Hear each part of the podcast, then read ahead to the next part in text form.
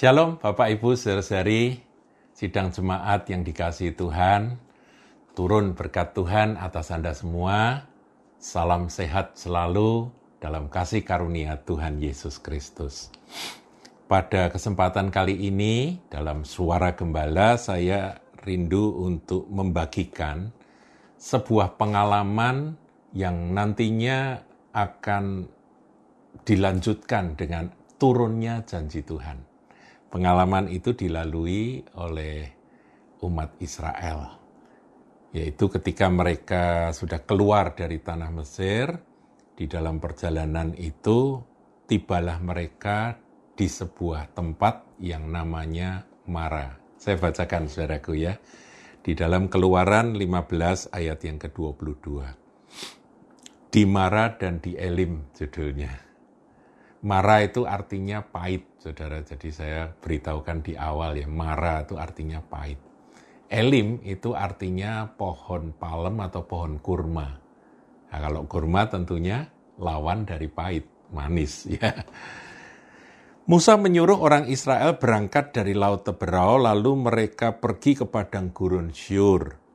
Tiga hari lamanya mereka berjalan di padang gurun itu dengan tidak mendapat air sampailah mereka ke Mara.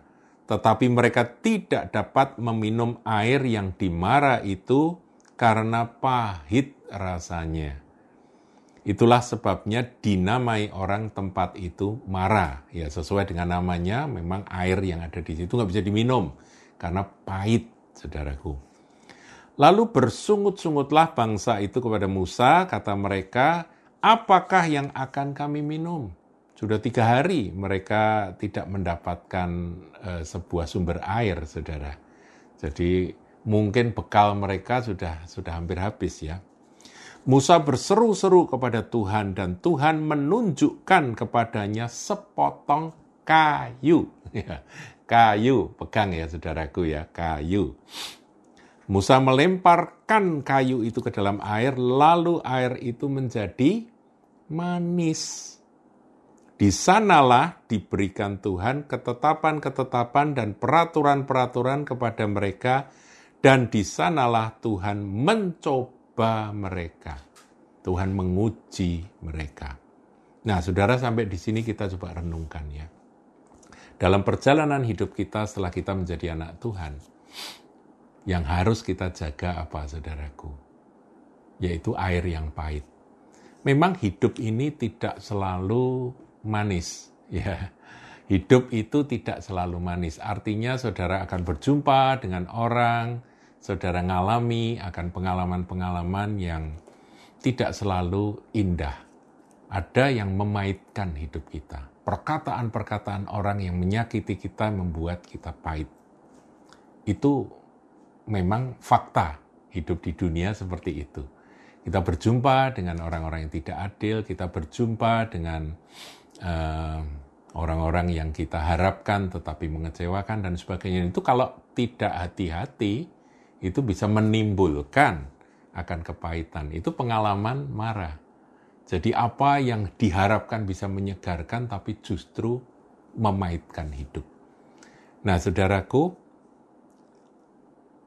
mereka bersungut-sungut. Nah, mestinya jangan bersungut-sungut, saudara. Kalau kita menghadapi hal-hal yang tidak kita harapkan, kita mengharapkan semua baik-baik, ternyata kok ada kejahatan, ada kekejaman, ada hal-hal yang tidak adil yang membuat kita ini pahit, maka marilah kita berseru pada Tuhan, jangan bersungut-sungut.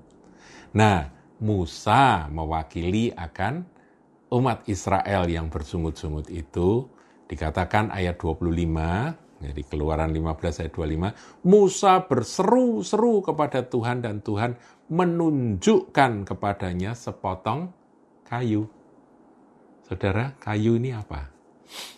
Ya, kalau kita baca perjanjian lama sampai di situ saja kita nggak paham, saudara. Tapi karena Alkitab ini ditulis oleh roh kudus melalui akan hamba-hambanya, melalui orang-orang yang dipakai oleh Tuhan, roh itu memberikan satu benang merah. Roh Kudus membuat benang merah.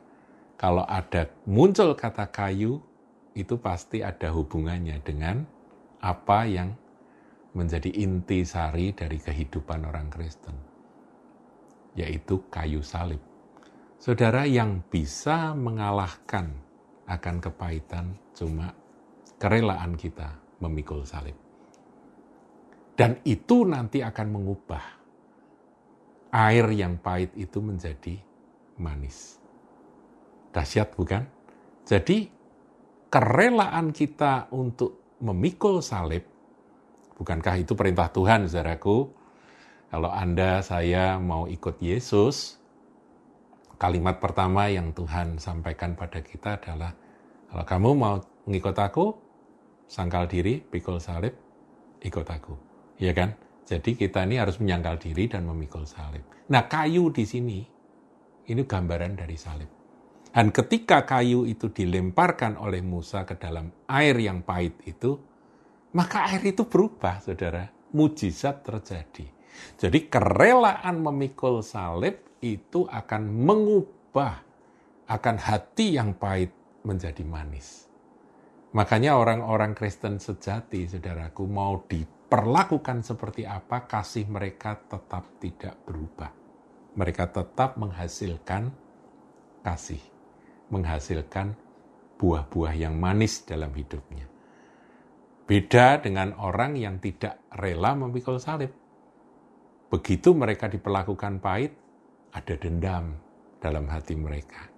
Mereka berpikir, nanti suatu hari ketika aku punya kemampuan, istilahnya nanti kalau posisiku sudah berubah, aku ada di atas, aku akan balas engkau itu Taurat, mata ganti mata, gigi ganti gigi, saudaraku. Tapi kita sudah belajar bahwa penghakiman itu milik Tuhan, hak Tuhan. Kita ini mikul salib saja dan kita ini nanti akan membuahkan buah kasih, pengampunan, kebaikan. Itulah yang dimaksud dengan air yang manis. Berubah, yang pahit itu berubah jadi manis. Lalu air itu menjadi manis, di sanalah diberikan Tuhan ketetapan-ketetapan dan peraturan-peraturan pada mereka, dan di sanalah Tuhan mencoba mereka, Tuhan menguji. Jadi saudara dan saya itu diuji. Kalau ada sesuatu yang memaitkan akan hati Anda, membuat Anda pahit, kenapa begini? Kenapa aku diperlakukan seperti itu? Disakiti, dibikin pahit. Kalau Anda mengalami seperti itu, itu tuh Tuhan sedang menguji. Anda rela atau tidak mikul salib? Mikul salib berarti ya sudah, terima akan hukum-hukum Tuhan. Kalau Tuhan berkata ampunilah, kita mengampuni. Itulah salib. Nah, itu yang akan membuat mujizat terjadi, yaitu yang pahit menjadi manis. Nah, ayat 26, sudah tadi saya katakan bahwa ini eh, akhirnya menurunkan akan sebuah janji. Peristiwa ini membuat Allah menurunkan sebuah janji. Ayat 26. Firmannya, jika kamu sungguh-sungguh mendengarkan suara Tuhan Allahmu dan melakukan apa yang benar di matanya, dan memasang telingamu kepada perintah-perintahnya dan tetap mengikuti segala ketetapannya, ya ketetapan Tuhan adalah kalau ada orang memaitkan kita, kita ampuni. Kita nggak mau simpen dendam sakit hati. Ya, kasih itu tidak menyimpan kesalahan orang, ya kan? Maka aku Tuhan, ya, di sini Tuhan sendiri, YHWH, tidak akan menimpakan kepadamu penyakit mana pun yang telah kutimpakan kepada orang Mesir, gambaran dari orang-orang di luar Tuhan, sebab aku Tuhanlah, YHWH lah yang menyembuhkan engkau. Sesudah itu sampailah mereka di Elim, di sana ada 12 mata air dan 70 pohon korma lalu berkemahlah mereka di sana di tepi air itu. Saudaraku, ada janji. Janjinya apa? Tuhan akan jadi dokter kita. Ketika kita rela mengampuni, kita rela hidup dalam eh, apa? sebagai eh, ini cross taker, jadi pembawa pembawa salib, pemikul salib. Ketika kita rela memikul salib, maka mikul salib itu artinya juga mentaati semua peraturan-peraturan dan um, melakukan apa yang menjadi kehendak Tuhan Yesus dalam hidup kita, yang melalui Roh memimpin kita, Firman uh, mengajar kita. Kalau kita mau mengikuti segala ketetapannya, janji Tuhan, Tuhan akan jadi dokter kita. Yahweh Rafa, akulah Tuhan yang menyembuhkan engkau. Aku Tuhanlah yang menyembuhkan engkau. Aku adalah Yahweh Rafa. Dokter kita. Saudaraku, dokter-dokter spesialis yang hebat-hebat itu punya keahlian luar biasa untuk menolong orang yang sudah hopeless bisa tertolong, bisa sembuh, saudaraku. Tapi ada dokter segala dokter. Namanya Yesus.